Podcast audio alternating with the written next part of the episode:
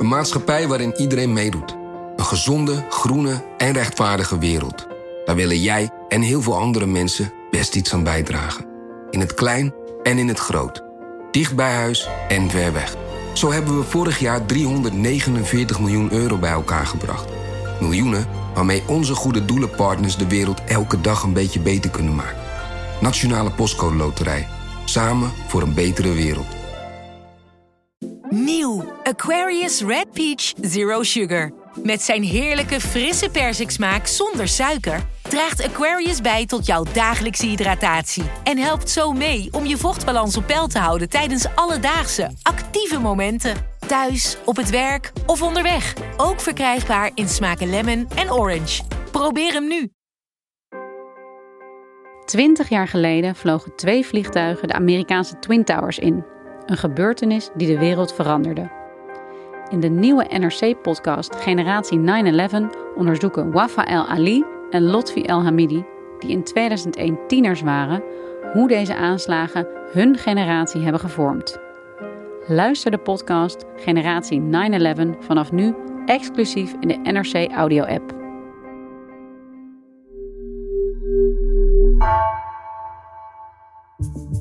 Vanaf de redactie van NRC het verhaal van vandaag.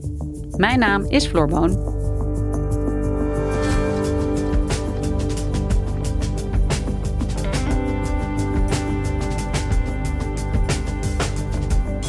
Homomannen in een monogame relatie mogen nu gewoon naar de bloedbank. Dat lijkt normaal, maar voor de homogemeenschap is het een grote stap.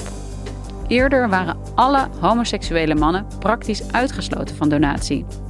Redacteur Menno CD verdiepte zich in de achterliggende discussie. Waarom is er nu iets veranderd?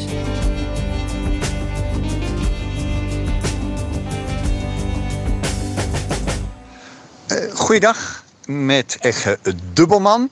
Ehm, nou, ik ben vanochtend bloedwezen geven uh, bij Sanquin. Vorige week woensdag 1 september was het zover. Egge Dubbelman, een man van 64, uh, eh, mocht bloed gaan doneren. Het was een heel moment. Hij werd ontvangen door de PR-persoon. Er waren camera's bij. Hij was speciaal gebeld door Sanquin om ook die dag bloed te komen do te doneren. Werd door een soort uh, keuringsarts nog wat vragen gesteld en mocht uiteindelijk naar de kamer waar het allemaal ging gebeuren. Hij mocht kiezen, linkerarm, rechterarm. Toen ging er naald in mijn arm. En uh, nou, ik vond het best een heel bijzonder moment. Eh, het was die dag de eerste dag dat mannen in een duurzame, monogame relatie met een andere man bloed mogen doneren. Um, het is een moment waarop ook Egge, die al uh, eh, 38 jaar samen is met uh, zijn man, uh, lang op heeft gewacht.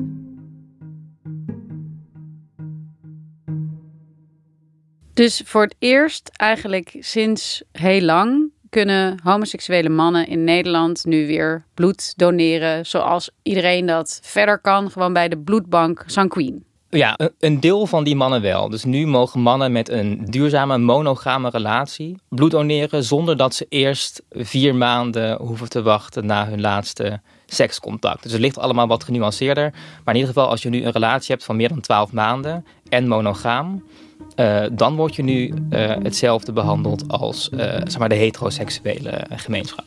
Nou, aangezien ik al bijna 38 jaar verkering heb met Wietse, mag het eindelijk. Want dit moet je even uitleggen. je hebt het nu over vier maanden wachten, monogame relatie. Wat is eigenlijk het verhaal met homoseksuele mannen en bloeddonaties in Nederland?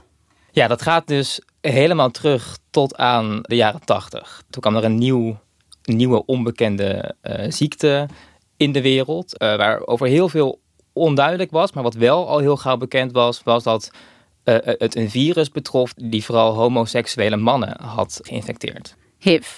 HIV, precies. HIV en die veroorzaakt natuurlijk AIDS. Dus die bloedbanken maakten zich natuurlijk meteen zorgen, die schrokken zich te pletter van die berichten die uit Amerika in eerste instantie kwamen als het een virus betreft, dan komt dat ook in je bloed. En dan betekent dat dat je dat dus in jouw bloedproducten, dat je die geeft aan hele kwetsbare mensen waar je misschien ze ook meteen een nieuwe ziekte mee geeft. Dus die zeiden, wij willen eigenlijk een verbod op bloeddonatie door homoseksuele mannen. Dus toen begin 1983 is er een bijeenkomst georganiseerd tussen aan de ene kant de bloedbanken en de patiëntenverenigingen en aan de andere kant de homobeweging. En die, dat waren echt twee kampen, het stonden lijnrecht tegenover elkaar. De bloedbanken en patiëntenverenigingen die wilden een verbod op het bloed doneren door uh, mannen die met mannen seks hebben. Aan de andere kant, dus de homobeweging die daar heel huiverig voor was, omdat zij bang waren dat hun, hun, hun hard bevochten emancipatie, die dus toen nog helemaal niet zo lang uh, bezig was, dat, dat ze die weer helemaal dreigden te gaan verliezen.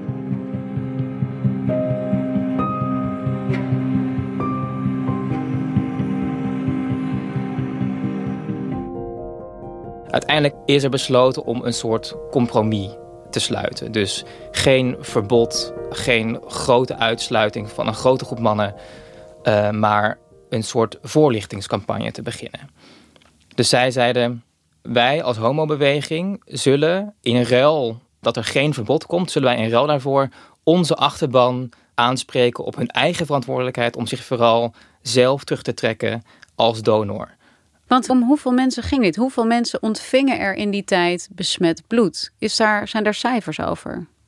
Pas later is echt duidelijk geworden hoe, hoe, hoe, groot deze ramp eigenlijk is geweest. Want in, uiteindelijk is onder de hemofilie-patiënt bijvoorbeeld. Maar zij ehm, hebben een bloedziekte, hun bloed stolt niet goed. En daarvoor krijgen ze stollings, stollingsmedicijnen. En die stollingsmedicijnen die worden gemaakt van een heel groot aantal uh, bloeddonaties. Daarover is bekend dat uh, eh, 13% HIV heeft gekregen. Dat waren dus, het zijn kleine aantallen hoor, omdat het uh, ging over 170 mensen van de uh, zeg 1300 he hemofiliepatiënten toen, toen, toen de tijd. Maar het gaat niet alleen maar over HIV, het gaat ook over hepatitis B en hepatitis C. Die worden ook via bloed doorgegeven. En Uiteindelijk heeft 90% van die hemofiliepatiënten heeft toen hepatitis C bijvoorbeeld gekregen via bloed. Dat zijn ongelooflijk grote aantallen. Ik begrijp ook wel dat mensen daar eh, heel huiverig voor zijn. Maar ondanks die grote aantallen bleef dit dan bij een ja, onderlinge afspraak eigenlijk. Waarbij de homobeweging zelf een ontmoedigingscampagne voerde. Het bleef heel lang uh, bij ontmoedigen, bij zo ver mogelijk van een verbod blijven. Maar die kwam er uiteindelijk stilzwijgend wel. Omdat iedere nieuwe donor een vragenlijst kreeg met, met onder andere... heb jij ooit seks gehad met een man? Ooit, hè? dus het kan ook één keer zijn, het kan lang geleden zijn. Uh, en dan werden ze toch naar huis gestuurd. En dit heeft tot nog 2015 geduurd. Toen werd bepaald, nou, een levenslange uh, uitsluiting, dat gaat te ver. Nu um, mag je als man bloed doneren als je twaalf maanden daarvoor geen seks hebt gehad met een andere man. Dus je moet eigenlijk een jaar lang je onthouden. In de praktijk betekent dat natuurlijk alsnog permanente uitsluiting. In ieder geval wel voor iedereen die seksueel actief is. Nou, in 2019 werd dat verkort, werden die twaalf maanden verkort naar vier maanden. En de stap die dus nu vorige week is gezet, is daarin wel echt een doorbraak te noemen omdat mensen die nu in een monogame relatie zitten, dus bloed mogen doneren. Dus eigenlijk is het de eerste stap waarvan je je kunt voorstellen dat jij als homoseksuele man weer bloed mag gaan doneren.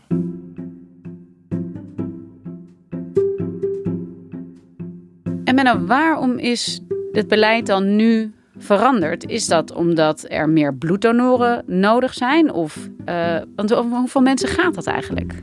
Nee, met deze nieuwe stap verwachten ze slechts tussen de 100 en 500 nieuwe donoren binnen te krijgen bij Sanquin.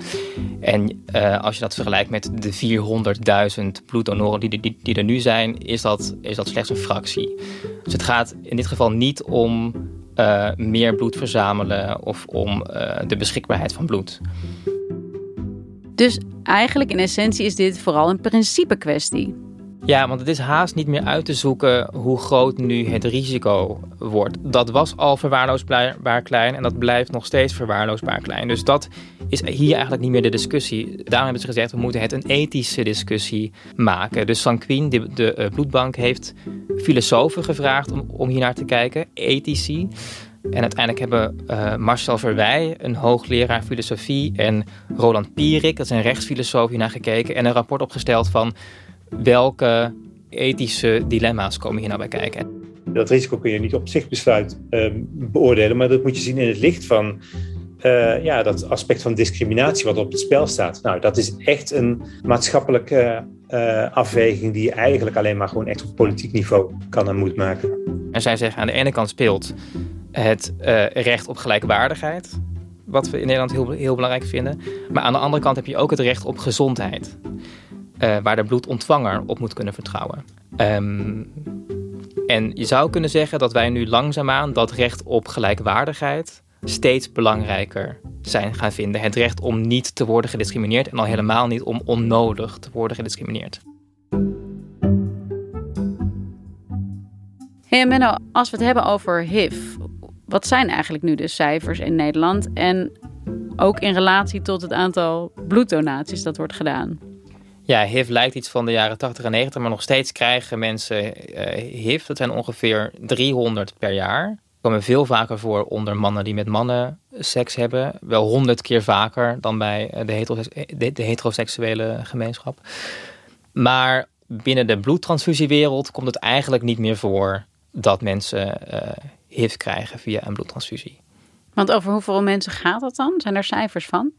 Ja, er is een berekening van gemaakt dat de kans dat jij HIV krijgt via een bloedtransfusie 1 op 6 tot 8 miljoen transfusies is. En dat komt in de praktijk neer op nou, één besmetting per 20 tot 30 jaar. En wat gaat deze nieuwe stap betekenen voor dat risico? Dat is eigenlijk niet uit te rekenen. Het is zo'n klein verschil dat ook het, het RIVM heeft gezegd en Sanquin van dit kunnen we niet uitrekenen. Uh, dit moeten we ethisch gaan benaderen. En hoe kijken deze uh, filosofen, die dus door de bloedbank zijn ingehuurd, naar de stap die nu wordt gezet? Dat vinden ze nog steeds uh, niet uh, ver genoeg gaan, nog steeds te beperkend eigenlijk. Want het is nog steeds beleid dat kijkt naar groepen in plaats van naar seksueel risicogedrag. Dus nu wordt gekeken naar, heb jij een monogame relatie of niet? Dat is een groep mensen en niet hoe doe je het? Mensen zonder vaste partner kunnen ook heel veilig seks hebben. Ehm, dus, dat, dus zij zeggen dat moet nog wel echt verbeterd worden. Ook uit oogpunt van ongelijke behandelingen uh, kun je, kunnen we eigenlijk nog wel een paar stappen verder gaan. Maar dat brengt uh, onvermijdelijk een bepaald soort van extra risico met zich mee. En misschien is dat extra risico maar heel erg klein. En misschien is het eigenlijk heel erg redelijk om dat extra risico te, te accepteren. Maar dat moet je dan wel durven erkennen. Maar Sanquin heeft al aangekondigd om wel daarnaar te gaan kijken. Dus zij verwacht dat e- eind volgend jaar, dus 2022, het beleid opnieuw verandert. En dat ze dan vragen gaan stellen van tevoren over iemands seksleven. Van met wie, uh, hoeveel, uh, hoe beschermd of onbeschermd heb jij seks?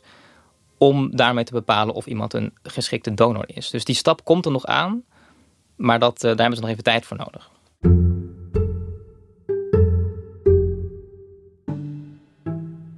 Goed, Menno, dus sinds 1 september mogen homoseksuele mannen met een monogame relatie bloed geven. Hoe wordt daarop gereageerd binnen de homogemeenschap? De homogemeenschap is uh, relatief gelukkig met deze stap. Hè. Dat betekent dus echt wel een grote doorbraak. En zeker met het zicht op de volgende stap. Dat het dus ook mogelijk wordt voor mensen zonder uh, vaste partner om bloed te doneren. Wat, wie er minder goed op reageert, dat is dus die uh, vereniging voor hemofiliepatiënten.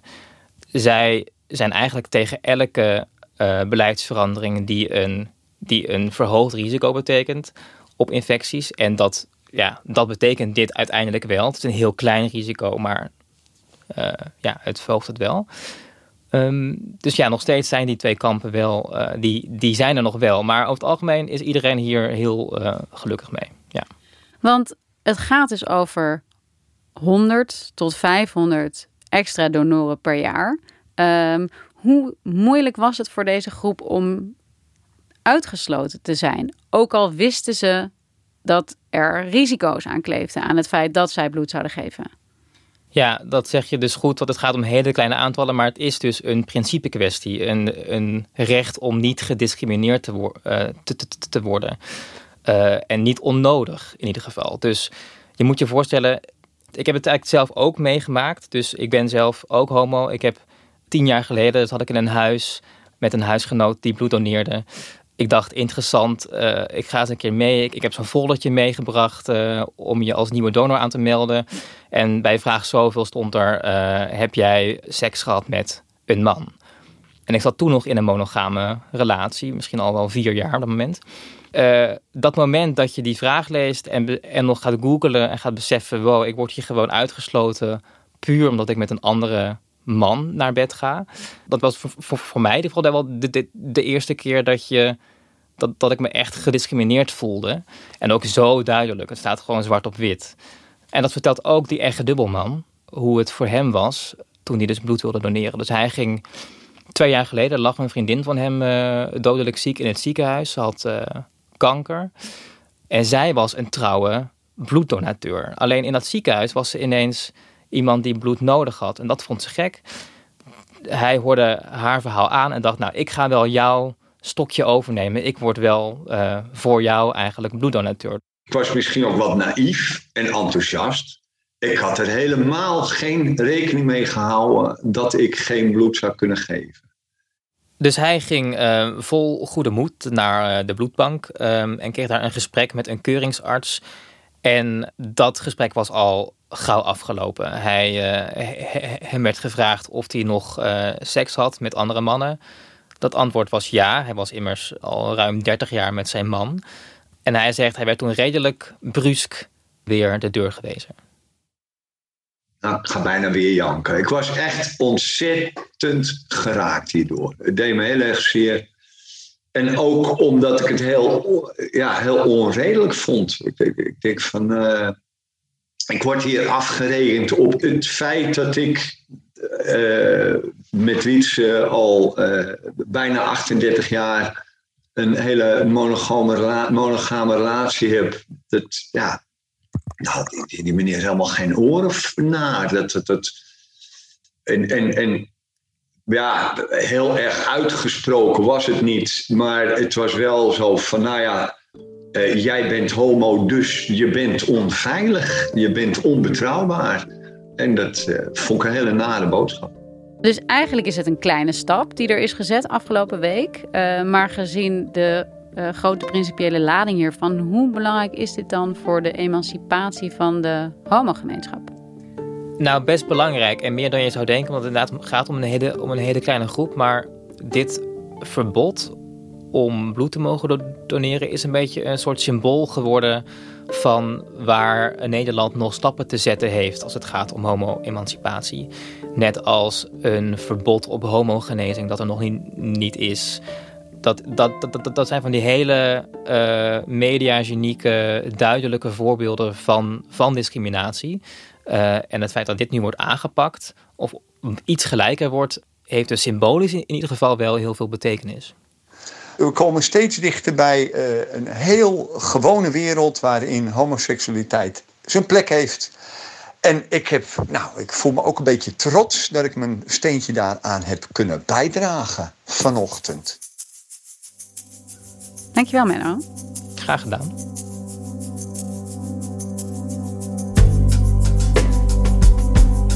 Je luisterde naar vandaag, een podcast van NRC. Eén verhaal, elke dag. Deze aflevering werd gemaakt door Wijken van Koolwijk, Alegria Ioannidis en Marco Raaphorst. Dit was vandaag. Morgen weer.